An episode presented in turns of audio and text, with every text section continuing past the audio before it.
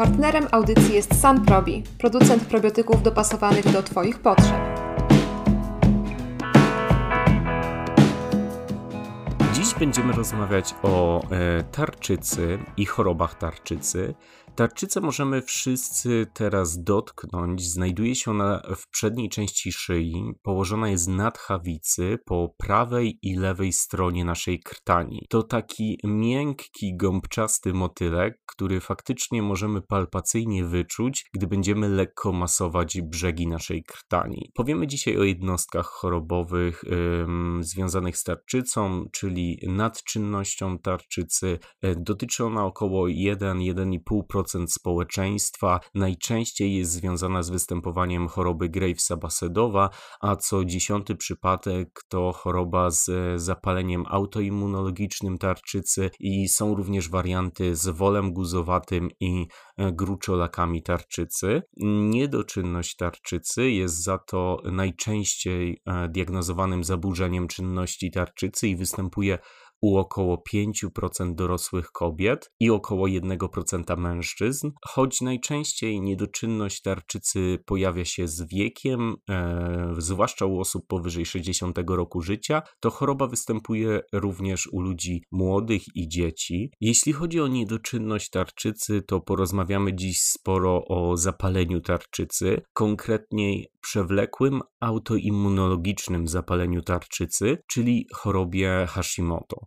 Jest też podostre i ostre zapalenie tarczycy, ale w te jednostki zagłębiać się raczej dziś e, nie będziemy. Powiemy o chorobie Hashimoto ze względu na to, jak zwiększyło się diagnozowanie e, tej jednostki w ostatnich latach. Z objawów tych chorób możemy mieć ogrom potencjalnych znaków ich występowania. W niedoczynności będzie to przyrost masy ciała, uczucie głodu, uczucie zimna, bóle mięśni, zmęczenie zarówno psychiczne, jak i fizyczne, zmiany skórne, również łamliwe i zniszczone włosy, a z punktu dietetycznego istotne będą tutaj, e, będzie tutaj pojawienie się zaparć. W nadczynności Najważniejszym objawem będzie niespodziewane chudnięcie, ale też drżenie rąk, nadmierna ruchliwość i wzmożona połudliwość nerwowa, e, zwiększona potliwość, skłonność do biegunek, bezsenność, uczucie e, kołatania serca i również zaburzenia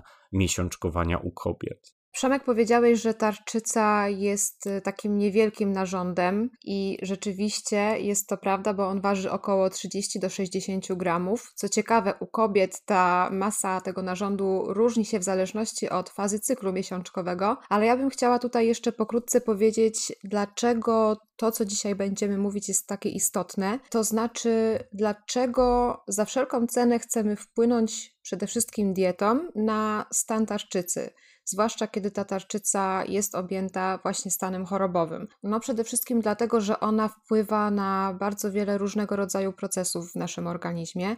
Tarczyca wydziela tak naprawdę hormony, które to w, w, naszym organizmie pełnią wiele różnych funkcji i na przykład e, są to funkcje związane z metabolizmem e, pokarmów, czyli z przemianą materii na przykład. E, wpływają też na to, jak funkcjonuje nasz ośrodkowy układ nerwowy, układ krwionośny. Mm, hormony tarczycy mają też wpływ na naszą termogenezę, e, a na przykład w okresie dojrzewania mm, mają one dużą rolę w, w naszym prawidłowym wzroście, czy też w ogóle w ogólnym rozwoju naszego organizmu. Także rzeczywiście ta rola tarczycy jest e, bardzo ogromna. No i jeżeli mamy do czynienia z jakimś e, stanem chorobowym tego gruczołu, no to faktycznie przekłada się to na dosyć duże zaburzenia w pracy całego organizmu. Okej, okay, ja może powiem tylko jeszcze kilka słów na temat e, samej mm, tarczyca, w zasadzie to jej hormonów, które produkuje.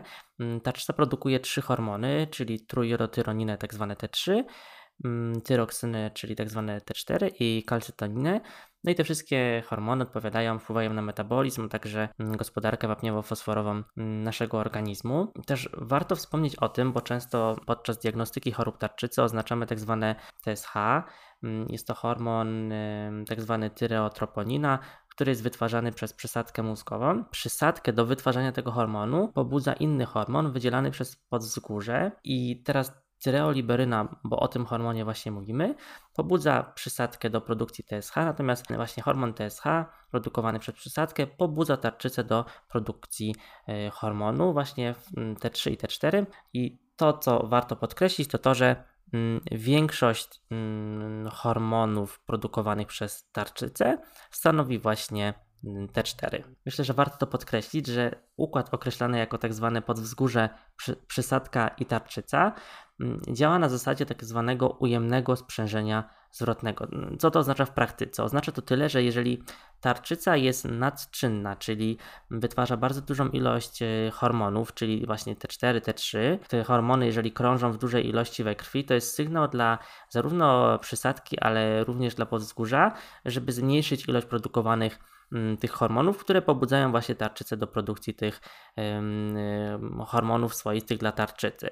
Czyli zbyt duża ilość produkowana przez tarczycę swoich hormonów, czyli właśnie T4, T3, daje taki e, sygnał ujemny właśnie przysadce i podzgórzu, aby tego, mm, tych swoich hormonów produkowały mniej i, i jakby nie pobudza, pobudzały dalej mm, tarczycy do produkcji T4 i T3. Powiedziałaś, Żaneta, o hormonach. Może tutaj wejdziemy konkretniej w diagnostykę. W nadczynności podstawowo będzie obejmować badania krwi, konkretnie oznaczenie poziomu hormonów, e, czyli wolnej tyroksyny FT4 i e, triodotyroniny, czyli FT3 mm, oraz TSH, tyreotropiny, mm, czyli hormonu e, przysadki mózgowej stymulującego pracę tarczycy. Mm, nadczynność tarczycy rozpoznaje się, jeśli przy obniżonym stężeniu TSH towarzyszy podwyższone stężenie FT4 i lub e, FT3 w surowicy. Kolejne badania będą miały na celu ustalenie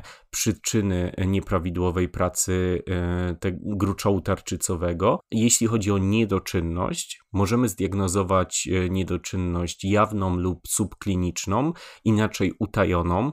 Przy tej utajonej stwierdza się wzrost stężenia TSH, przy przynajmniej przy górnej granicy normy, a e, przy tym mamy prawidłowe stężenie mm, FT4 i e, FT3. W postaci jawnej FT4 i FT3 jest poniżej normy. Mówiąc o hormonach tarczycy, należałoby także wspomnieć, jakie są e, biologiczne funkcje tych hormonów. Przede wszystkim wpływają na rozwój ośrodkowego układu nerwowego i to, co też warto podkreślić, że te hormony oddziałują na różne komórki efektorowe w naszym organizmie, czyli to nie jest tylko tak, że one krążą we krwi bez żadnego powodu i bez żadnego konkretnego celu, tylko one oddziałują na wiele różnych tkanek i komórek efektorowych i w tym właśnie na komórki e, ośrodkowego układu nerwowego. Również wpływają na komórki, które znajdują się w kościach i tutaj mają wpływ bezpośrednio również na mineralizację kości. Również oddziałują na serce, ale także na wątrobę, chociażby spełniając takie funkcje jak mm, nasilanie lipogenezy, glikogenolizy czy glukoneogenezy.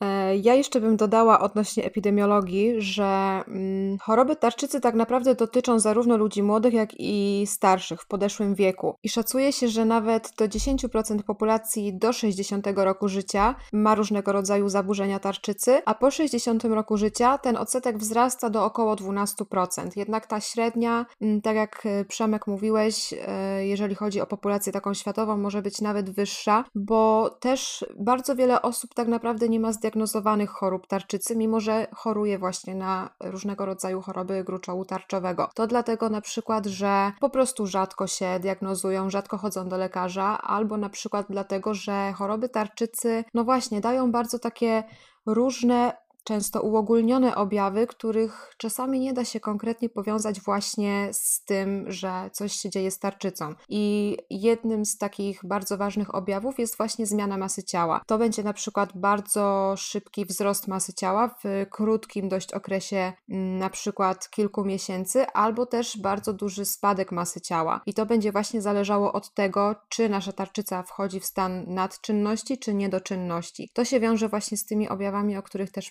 Przemek mówiłeś. Dlatego nasza rola dietetyków jest tutaj bardzo ważna, żeby też brać pod uwagę właśnie to, jak szybko zmienia się masa ciała danego człowieka w jakimś okresie, właśnie chociażby w okresie tych kilku miesięcy, bo często właśnie pacjenci nie są świadomi tego, że na przykład jedzą cały czas tak samo, nie zwiększają albo nie zmniejszają swojej podaży energii, no a właśnie przez to, że tarczyca pracuje albo zbyt aktywnie, albo wręcz przeciwnie, no to właśnie ta masa ciała się zmienia. Dlatego dzisiaj będziemy bardzo dużo właśnie o tej diecie e, w chorobach tarczycy e, dalej mówić. Myślę, że warto jeszcze powiedzieć, co jest czynnikiem ryzyka występowania chorób tarczycy. W przypadku niedoczynności i e, nadczynności będzie to na pewno płeć, e, ponieważ kobiety zdecydowanie częściej wykazują te jednostki. Również niedobory jodu i e, dieta nadmiarowa w ten pierwiastek.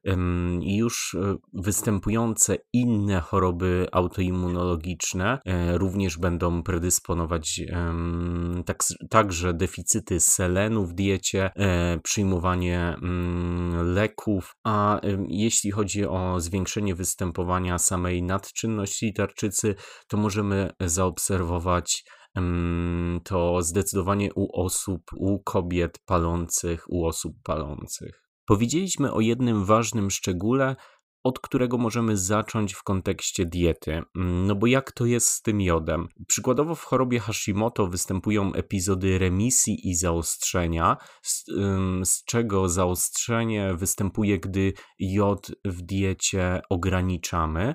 Niedobór może być niekorzystny, ale również nadmiar będzie niekorzystny. E, ilość jodu trzeba tutaj ustalać indywidualnie pod okiem lekarza. Żaneta, czemu mm, jeszcze tak na mm, tak dużą uwagę będziemy poświęcać e, w diecie e, właśnie, właśnie jodowi?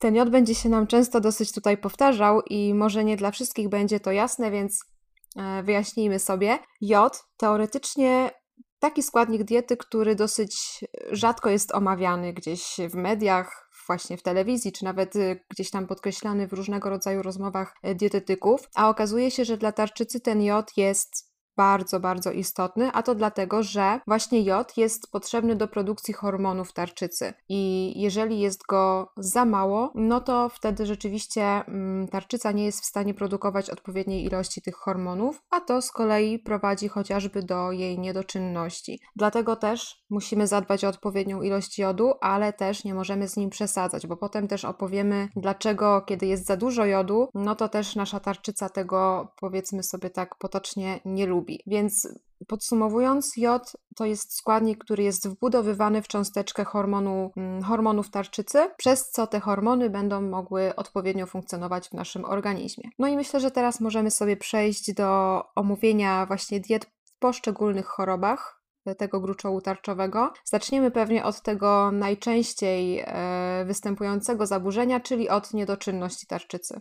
Co wy na to? Jeśli już mówimy o niedoczynności, czyli też chorobie Hashimoto, to ja bym chciał podkreślić problem, jaki e, pojawił się z tą jednostką. E, wśród dietetyków zauważyłem, że e, zaczęto ją określać chorobą celebrytów, ze względu na to, jak często i chętnie temat był ostatnio podejmowany w mediach. Problem, jaki z tego wynika, to że do głosu dochodzą w tych mediach często nie tylko autorytety, a osoby z niskimi kompetencjami, chcące po prostu na tym trendzie zarobić. I przez to pojawiły się dwa bardzo mocne e, dietetyczne e, wskazania, trendy, czyli wykluczenie glutenu i nabiału z diety. E, istnieją oczywiście do tego specyficzne predyspozycje, gdzie faktycznie te wykluczenia mm, tych dużych grup produktów z diety e, są konieczne, ale w przypadku większości e, pacjentów będzie to po prostu niekorzystne. Żaneta, znowu do ciebie. E, co powiedziałabyś o sobie z niedoczynnością tarczycy, która pyta o gluten i nabiał w diecie? Mhm, rzeczywiście jest jakieś takie podejście, szczególnie jakoś tak w mediach rozpowszechnione, że jeżeli ktoś choruje na niedoczynność tarczycy, a często niedoczynność właśnie się łączy z chorobą Hashimoto, czyli autoimmunologicznym zapaleniem tarczycy, no to że musimy eliminować potencjalne alergeny, czyli na przykład gluten albo białka obecne w nabiale. No i okazuje się, że to jest dosyć problematyczna kwestia, bo tak naprawdę nie ma konkretnych badań na ten temat, y, które by właśnie jednoznacznie nam na to odpowiedziały. Są pewne wnioski naukowców, które mówią, że osoby, które mają chorobę Hashimoto, jednocześnie mają też y, problemy właśnie z tolerancją glutenu czy też y, białek mlecznych.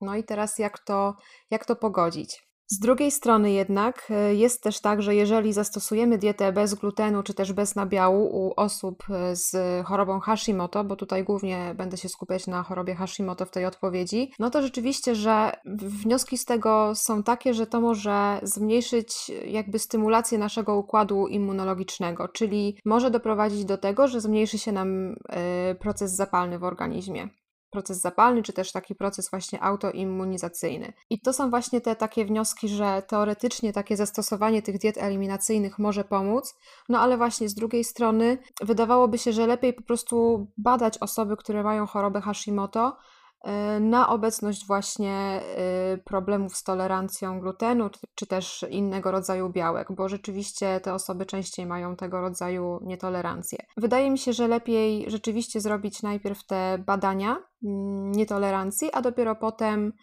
wprowadzać taką dietę eliminacyjną, bo rzeczywiście wtedy mamy pewność, że we właściwy sposób postępujemy, że dopiero robimy dietę eliminacyjną, kiedy wiemy, że te pokarmy muszą być wyeliminowane. A jeżeli zastosujemy diety eliminacyjne bez tak naprawdę podstaw ku temu, no to może się okazać, że narobimy trochę szkody naszemu pacjentowi, bo może się okazać, że to jest dieta wtedy niedoborowa, dieta, która może też mu na przykład nie smakować, może się nie zgadzać z jego codziennym takim stylem jedzenia i niepotrzebnie wtedy wprowadzamy jakieś takie duże zmiany. Mhm. I są to diety zdecydowanie trudne, bo wykluczenia glutenu i e, białek mleka w diecie mm, przeciętnego Polaka będzie no naprawdę dużym wyrzeczeniem, dużą zmianą. Ja bym tutaj jeszcze dodał taki jeden mocny argument. Ze względu na to, że e, choroby autoimmunologiczne występują często grupami, parami, czyli jedna choroba autoimmunologiczna może wyzwolić kolejną albo po prostu ujawniają się w podobnym czasie, to faktycznie przy e, chorobie Hashimoto warto zrobić sobie diagnozę pod e, potencjalną e, celiakię, mm, ale jeśli taki test wyjdzie nam negatywny, to y, raczej eliminacja glutenu nie będzie tutaj dobrym rozwiązaniem. I tutaj odnalazłem badanie, w którym na grupie kilkuset osób y, sprawdzono, jak dieta eliminacyjna przy wykluczonej celiaki, jakie efekty miała dla osób z Hashimoto i e, jedna na osiem z tych osób w przeciągu trzech lat mm, wykazywała e, cukrzycę typu drugiego.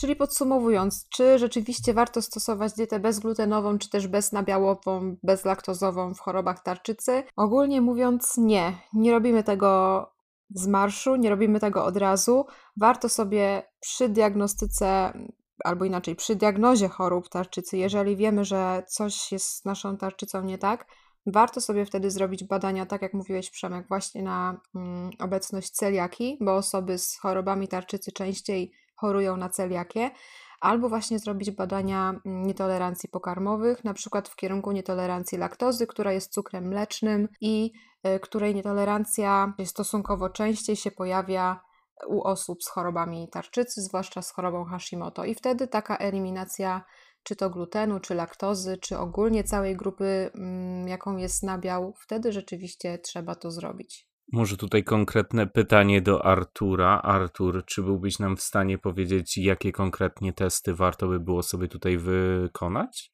Aha, znaczy jeżeli chodzi o nietolerancję laktozy, no to przede wszystkim testy wodorowe.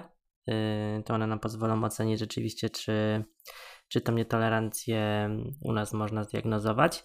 No jeżeli chodzi o celiakię, no to przede wszystkim ciężko tutaj zlecać dietetykowi i sugerować jakieś badania, bo rzeczywiście tym zajmuje się stricte lekarz i to są już takie poważne badania, bo ciężko też narażać pacjenta na koszty, ale zazwyczaj oceniamy przeciwciała we krwi. Na takim złotym standardem mimo wszystko jest y, ocena histopatologiczna y, bioptatu, które pobieramy w trakcie badania endoskopowego e, z dwunastnicy czy z jelita cienkiego właśnie, więc to jest jakby taki złoty standard, ale przesiewowo rzeczywiście na pierwszą, pierwszy ogień idą przeciwciała, czy to endomyzium w różnych klasach Także no tutaj przede wszystkim musi się lekarz wypowiedzieć, bo też często wychodzą przeciwciała w niektórych klasach dodatnie, co wcale nie musi wskazywać na występowanie właśnie choroby trzewnej, więc yy, myślę, że tutaj yy, warto jak najbardziej to skonsultować z lekarzem i on na pewno pokieruje nas zgodnie ze standardami yy, diagnostyki. Także mm, to też zależy w zależności od mm, współtowarzyszących objawów, bo, bo czasem rzeczywiście przy występujących jakichś poważnych bólach brzucha i jakichś takich sugestiach, że możemy mieć do czynienia na przykład z wrzodami, no to badanie endoskopowe będzie tak czy siak wskazane, a podczas niego można od razu ewentualnie potwierdzić bądź wykluczyć występowanie celiaki. Mhm. I te problemy żołądkowe faktycznie też u osób z Hashimoto często występują, także e, warto tutaj udać się do specjalisty. Taką metodą diagnostyczną, którą na pewno też nie rekomendujemy, a może któremuś ze słuchaczy się skojarzyło, e, gdy mówiliśmy o testach na nietolerancję. Nie będziemy rekomendować tutaj testów IgG zależnych. No dobrze, co na pewno będziemy rekomendować, to pewne składniki diety, które bardzo warto wprowadzić sobie do menu, jeżeli chcemy się zająć naszą tarczycą. I może zaczniemy sobie jeszcze ładnie to układać i, i opowiedzmy o tym, co dalej z tą dietą w niedoczynności tarczycy? Mówiliśmy o eliminacji różnego rodzaju potencjalnych alergenów, a co warto z kolei wprowadzić do tej diety? Mówiliśmy o jodzie, więc na pewno też e, warto powiedzieć o selenie, e, ze względu na to, że selenoproteina budująca e, hormon tarczycy mm, jest e, no, niezbędna do tego, aby mm, poprawnie mm, tarczyca funkcjonowała, a selen jest też niedoborowy statystycznie w diecie Polaków, więc tutaj albo sobie zadbamy o podaż produktów, e, które ten selen zawierają, albo będziemy e, z, przystępować do suplementacji.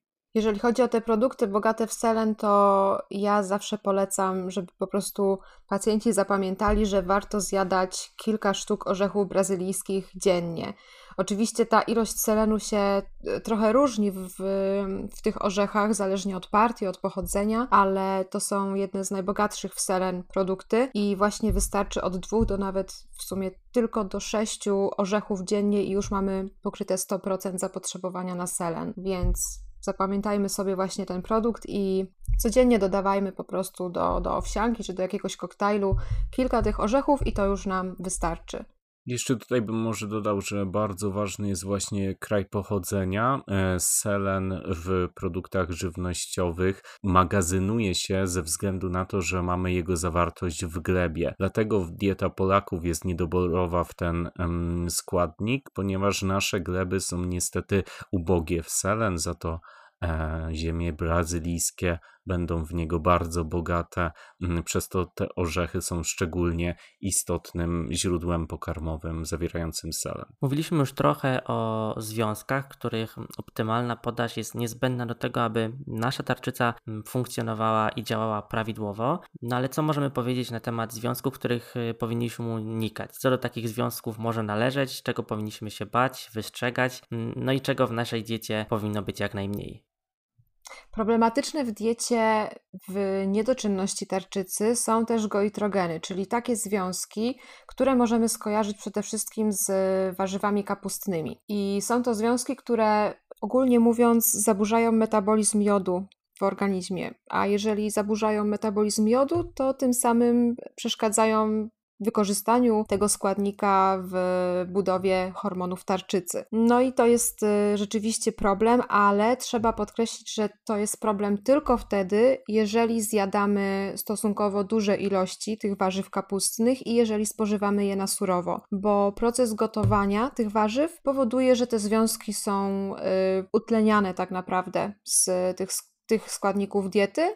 No i dzięki temu możemy y, mieć ciastko i zjeść ciastko. Mhm. Z takiego, mm, z takich produktów będziemy też uważać, ale nie wykluczać na soję, e, ponieważ izoflawony w niej zawarte mm, zmniejszają absorpcję jodu. E, I tutaj na pewno e, dużo gorzej zadziałają na mm, przyswajanie jodu nieprzetworzone ziarna soi, a, a bezpieczniejszym produktem będzie na przykład przetwór z soi, czyli tofu bądź tempeh. I tak samo też jest z kiszoną kapustą na przykład. Y, no tej na przykład się nie zaleca właśnie w, y, przypadku niedoczynności tarczycy, mm, bo, bo ona po prostu zawiera mm, dosyć duże ilości goitrogenów, nie jest ugotowana, więc tak naprawdę te związki cały czas w niej pozostają. I nawet taka ciekawostka, którą udało mi się znaleźć, to to, że u rzymskich żołnierzy często występował,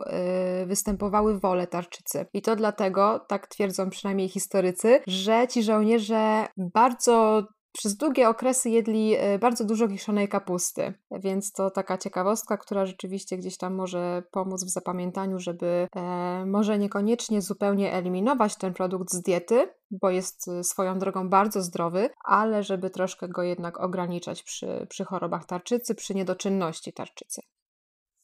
Czy coś jeszcze w temacie diety? No, jeśli chodzi Że o. Powinna być przeciwzapalna. Jeśli chodzi o dietę, to zaraz Artur powie pewno o wartościach przeciwzapalnych. Ja bym powiedział jeszcze o mm, błonniku. Zwraca się uwagę, aby w y, niedoczynności tarczycy y, odpowiednią podaż błonnika zachować, ale ze względu na to, że y, dużo większość albo duża część pacjentów będzie przyjmować e, lewotyroksynę, która mm, może być e, przy dużej ilości błonnika mm, w mniejszym stopniu absorbowana z jelita. Dlatego będziemy tutaj uważać, aby produkty, które e, spożywamy w okolicach przyjmowania leku, raczej zawierały tego błonnika niewiele. Dlatego musimy to kompensować i w ciągu dnia później zwiększać tą e, ilość przyjmowanego błonnika. Mhm. Ja jeszcze bym dodał, e, żeby generalnie, jeżeli chodzi o spojrzenie na żywienie, zarówno w niedoczynności czy w nadczynności tarczycy, zawsze stara się y, gdzieś tam skłaniać ku temu, aby ta dieta miała charakter przeciwzapalny, czyli rzeczywiście to, co powtarzamy w większości odcinków, żeby dieta mm, była pozbawiona produktów y, bardzo mocno przetworzonych, tłuszczów utwardzonych, właśnie trans, y, dużej ilości czerwonego mięsa i tym podobnych, czyli żeby była bogata w zdrowe tłuszcze, orzechy, nasiona i tym podobne mm, produkty, żeby była bogata w warzywa, owoce, oczywiście starając się właśnie ograniczać na przykład chociażby tam kiszoną kapustę, o której mówiliśmy. Yy, no ale też musimy uważać na podaż produktów właśnie bogato błonnikowych y, tutaj w tym okresie, kiedy spożywamy, przy, spożywamy, w zasadzie to przyjmujemy y, hormony właśnie, więc dieta powinna mieć charakter przeciwzapalny. W aspekcie chorób autoimmunizacyjnych bardzo często mówi się o tak zwanym zespole nieszczelnego jelita i w przypadku choroby chociażby Hashimoto również o takim zespole możemy powiedzieć. Często ta bariera jelitowa jest tutaj Mm, nieszczelna i rzeczywiście różnego rodzaju białka, mm, antygeny mogą pobudzać mm, układ odpornościowy i prowadzić do nieprawidłowych e, reakcji. I stąd później mówimy o różnego rodzaju stanach zapalnych, które mogą dotyczyć nie tylko samego jelita, chociaż zapoczątkowane są one właśnie w obrębie jelita. Często są to mikrostany zapalne, które wcale nie muszą powodować różnego rodzaju dolegliwości ze strony tego układu, ale mogą właśnie być można powiedzieć, takim początkiem do tego, aby nasz układ odpornościowy mm, działał nieprawidłowo, a w ten sposób można powiedzieć, że niszczył e, niektóre ze swoich tkanek. W tym przypadku w chorobie Hashimoto właśnie niszczył, e, czy tutaj działał na niekorzyść samej tarczycy.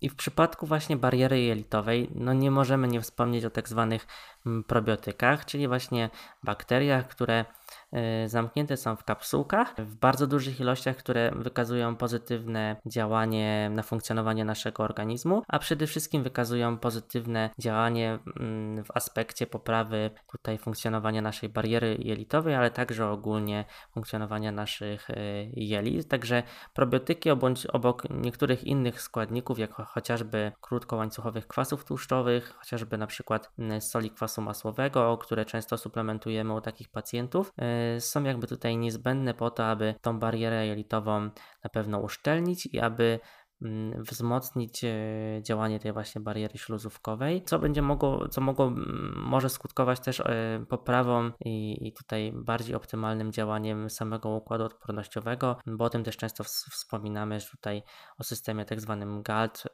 czyli tej tkance limfatycznej związanej z jelitami, Mm, czyli o tym, że właśnie większość samej odporności naszego organizmu pochodzi właśnie z jelit, dlatego musimy szczególnie w przypadku chorób autoimmunizacyjnych, takich jak chorobie e, Hashimoto, zadbać o właśnie barierę jelitową i tutaj mm, o probiotyki, o podaż e, probiotyków, e, suplementację probiotyków zasadniczo, a także na przykład soli kwasu masłowego. Także jak najbardziej probiotyki, mm, które wpłyną na uszczelnienie bariery jelitowej, będą e, w tym przypadku zalecane. Mm, dużo mówimy o niedoczynności tarczycy, ale może kilka słów o nadczynności tarczycy, bo ta choroba zdecydowanie rzadziej występuje mm, i trochę mniej się o niej mówi i na co powinniśmy zwrócić uwagę przy tej jednostce chorobowej, jeżeli chodzi o bilansowanie diety. No tutaj myślę przede wszystkim, że musimy skupić się na kaloryczności diety, y, bo nadczynność tarczycy ma to do siebie, że pacjenci mają problem z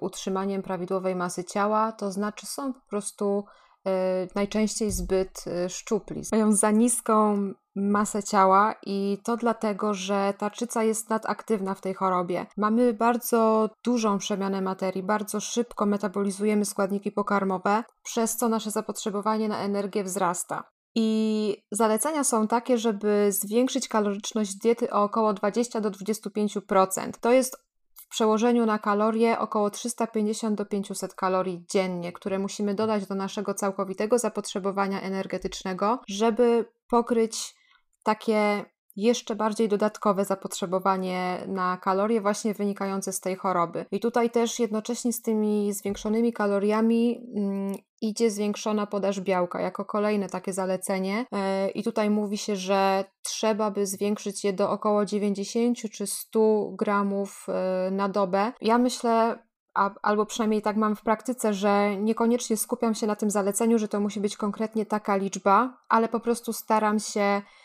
tego białka dawać stosunkowo więcej niż w dotychczasowej diecie pacjenta i też zadbać o to, żeby w każdym posiłku było e, jakieś pełnowartościowe źródło białka, czyli na przykład e, chude mięso, chude ryby, mm, Jaja też są dobrym źródłem pełnowartościowego białka. Jeżeli to jest białko roślinne, to staram się łączyć je z orzechami albo na przykład E, białka zbóż staram się łączyć z białkami warzyw takich strączkowych czy też kukurydzy i wtedy rzeczywiście e, mamy dosyć dużą pulę białka w posiłku i jest to białko pełnowartościowe, czyli składające się ze wszystkich niezbędnych aminokwasów.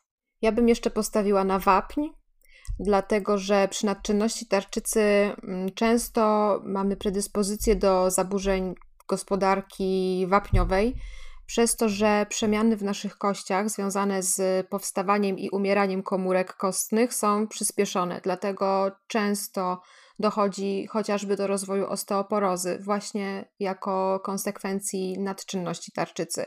To najczęściej jest y, zauważalne u kobiet, które no ogólnie wraz z wiekiem mają y, większe predyspozycje na wystąpienie osteoporozy, a jeżeli jeszcze dodatkowo chorują na nadczynność tarczycy, no to faktycznie y, ta, to, to ryzyko powstania osteoporozy jest ogromne. Dlatego y, zwiększona podaż wapnia, czyli na przykład nabiału, jeżeli nie mamy nietolerancji, albo roślin strączkowych, y, soi, mm, albo też na przykład maku, albo sardynek, albo innych ryb, które są puszkowane i, i mają te swoje drobniutkie ości. Jako ciekawostkę tutaj dodam, czego z kolei unikać przy nadczynności. I to jest niestety to, co wielu z nas lubi. To są napoje energetyzujące i ogólnie kofeina, bo przecież ona tak naprawdę pobudza nasz organizm, pobudza też przemianę materii. E, no i to tak naprawdę jeszcze bardziej potęguje wszystkie te objawy i dolegliwości, które daje nam nadczynność tarczycy. Mm, więc myślę, że kofeina to jest taka pierwsza rzecz, którą trzeba odrzucać w nadczynności. Z kolei, co warto włączyć do diety w większych ilościach, to są kwasy omega-3. To przede wszystkim z uwagi na ich działanie przeciwzapalne, e, na działanie wspierające odporność naszego organizmu i na działanie takie protekcyjne czy ochronne w stosunku do komórek nerwowych. Mm, I teraz, jeżeli chodzi o kwasy omega-3, to można zadbać o ich podaż w, tak naprawdę dwojako. Można zwiększyć ilość tłustych ryb w swojej diecie, y, gdzie standardowo zalecana jest jedna, dwie porcje ryb tłustych w ciągu tygodnia, albo można postawić na suplementację kwasami omega-3. Ja myślę, że warto połączyć te dwie rzeczy i starać się zjadać oczywiście tłuste ryby jak najczęściej, e, ale też można suplementować do tego kwasy omega-3, bo tak naprawdę nie ma dowodów naukowych, które by mówiły, że ich nadmiar jest e, w ogóle możliwy w naszym organizmie. To znaczy, jeżeli nawet mamy dużą ich podaż, to nie ma to związku z żadnymi negatywnymi konsekwencjami w naszym ciele. Jeżeli chodzi o dietę w nadczynności tarczycy, to myślę, że główne aspekty sobie omówiliśmy. I co? I myślę, że możemy przechodzić ogólnie do podsumowania. Ja jeszcze bym wrócił do rzeczy, o których e, zapomnieliśmy przy niedoczynności. Takie szczegóły, o których warto wspomnieć, bo zapomnieliśmy o niedoborach żelaza, nie powiedzieliśmy o niedoborach B12, właśnie ze względu na e, zaburzenia błony śluzowej żołądka. Nie powiedzieliśmy o witaminie A, której niedobór występuje, e, ponieważ beta-karoten nie jest przekształcany w takiej samej ilości jak u osoby zdrowej. No i jeszcze nie wyczerpaliśmy tematu e, witaminy D. Mm, może zacznijmy od tej błony śluzowej żo żołądka. Artur, mm, na pewno ty to ładnie nam wytłumaczysz. Znaczy ja, znaczy, ja wiem, że często po prostu, może nie przyczyną, ale na pewno współistniejącym problemem przy Hashimoto na przykład jest właśnie rozrost Helicobacter pylori, nie? I zakażenie właśnie tą bakterią, że, że to rzeczywiście jest częste.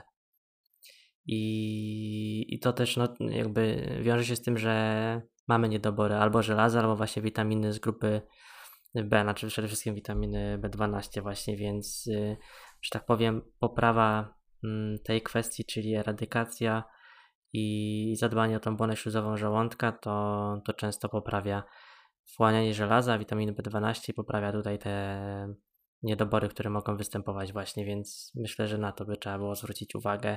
Jeżeli permanentnie u takiej osoby występuje na przykład, nie wiem, uczucie zgagi albo ból właśnie w okolicy zamostkowej, no to yy, i współistnieją przy tym właśnie yy, widoczne w badaniach krwi niedobory żelaza, czy właśnie witaminy B12, to myślę, że warto skonsultować się z gastroenterologiem i ocenić, czy nie mamy do czynienia tutaj właśnie z zakażeniem bakterią Helicobacter pylori.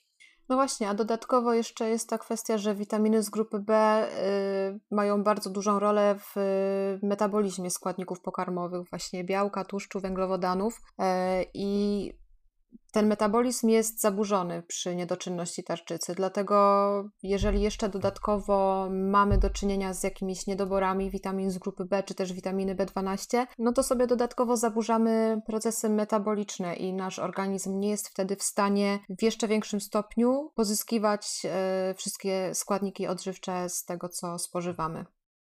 No to powiedzmy jeszcze o witaminie D. E, Artur, ty chyba wcześniej powiedziałeś, ale dodam jeszcze tylko, że w, mm, ogólnie w organie, w tarczycy e, znajdują się receptory e, tej witaminy i mm, mechanizm nie jest, ich działania w tym obszarze nie jest do końca poznany, ale wiemy, że jej odpowiedni poziom jest istotny i w Hashimoto możemy z, dzięki uregulowaniu mm, poziomu witaminy D możemy zaobserwować po poprawę u pacjentek, szczególnie właśnie w kontekście objawów. Ważną witaminą będzie też witamina A. Musimy od nią zadbać w diecie, więc tak jak już Artur mówił, dieta musi być prze... dobrze, żeby była przeciwzapalna, więc ten talerz musi być jak najbardziej mm, kolorowy. Wtedy zapewnimy sobie też odpowiednią podaż beta-karotenu, a warto zaznaczyć, że u osób z Hashimoto e, nie jest on e, przekształcany w takim samym stopniu jak u osób zdrowych do witaminy, aktywnej formy witaminy A. Dlatego też warto go spożywać więcej. A co jeszcze ważne przy witaminie A, to to, że ona wspomaga wchłanianie selenu, o którym też już mówiliśmy w kontekście e, niedoczynności i będzie też ważna na przykład w kontekście chorób skóry, przez to jednym z objawem, e, jednym z objawów u osób z niedoczynnością e, tarczycy są e, choroby skórne, więc o tą witaminę A również z tego aspektu warto zadbać. Jeśli chodzi o skórę, to oczywiście omega-3, które też tutaj będą bardzo istotne, również też w tym kontekście przeciwzapalnym. No i myślę, że jeszcze o magnezie warto wspomnieć, bo generalnie w, mm, naszej populacji mm, wiele osób ma niedobory y, tego składnika mineralnego, więc y, myślę, że, że warto też o to zadbać, żeby w tej diecie było dużo produktów bogatych w magnez, czy, czy ewentualnie rozpatrzeć jakąś suplementację, starać się mm, rzeczywiście pić wodę wysoko mineralizowaną.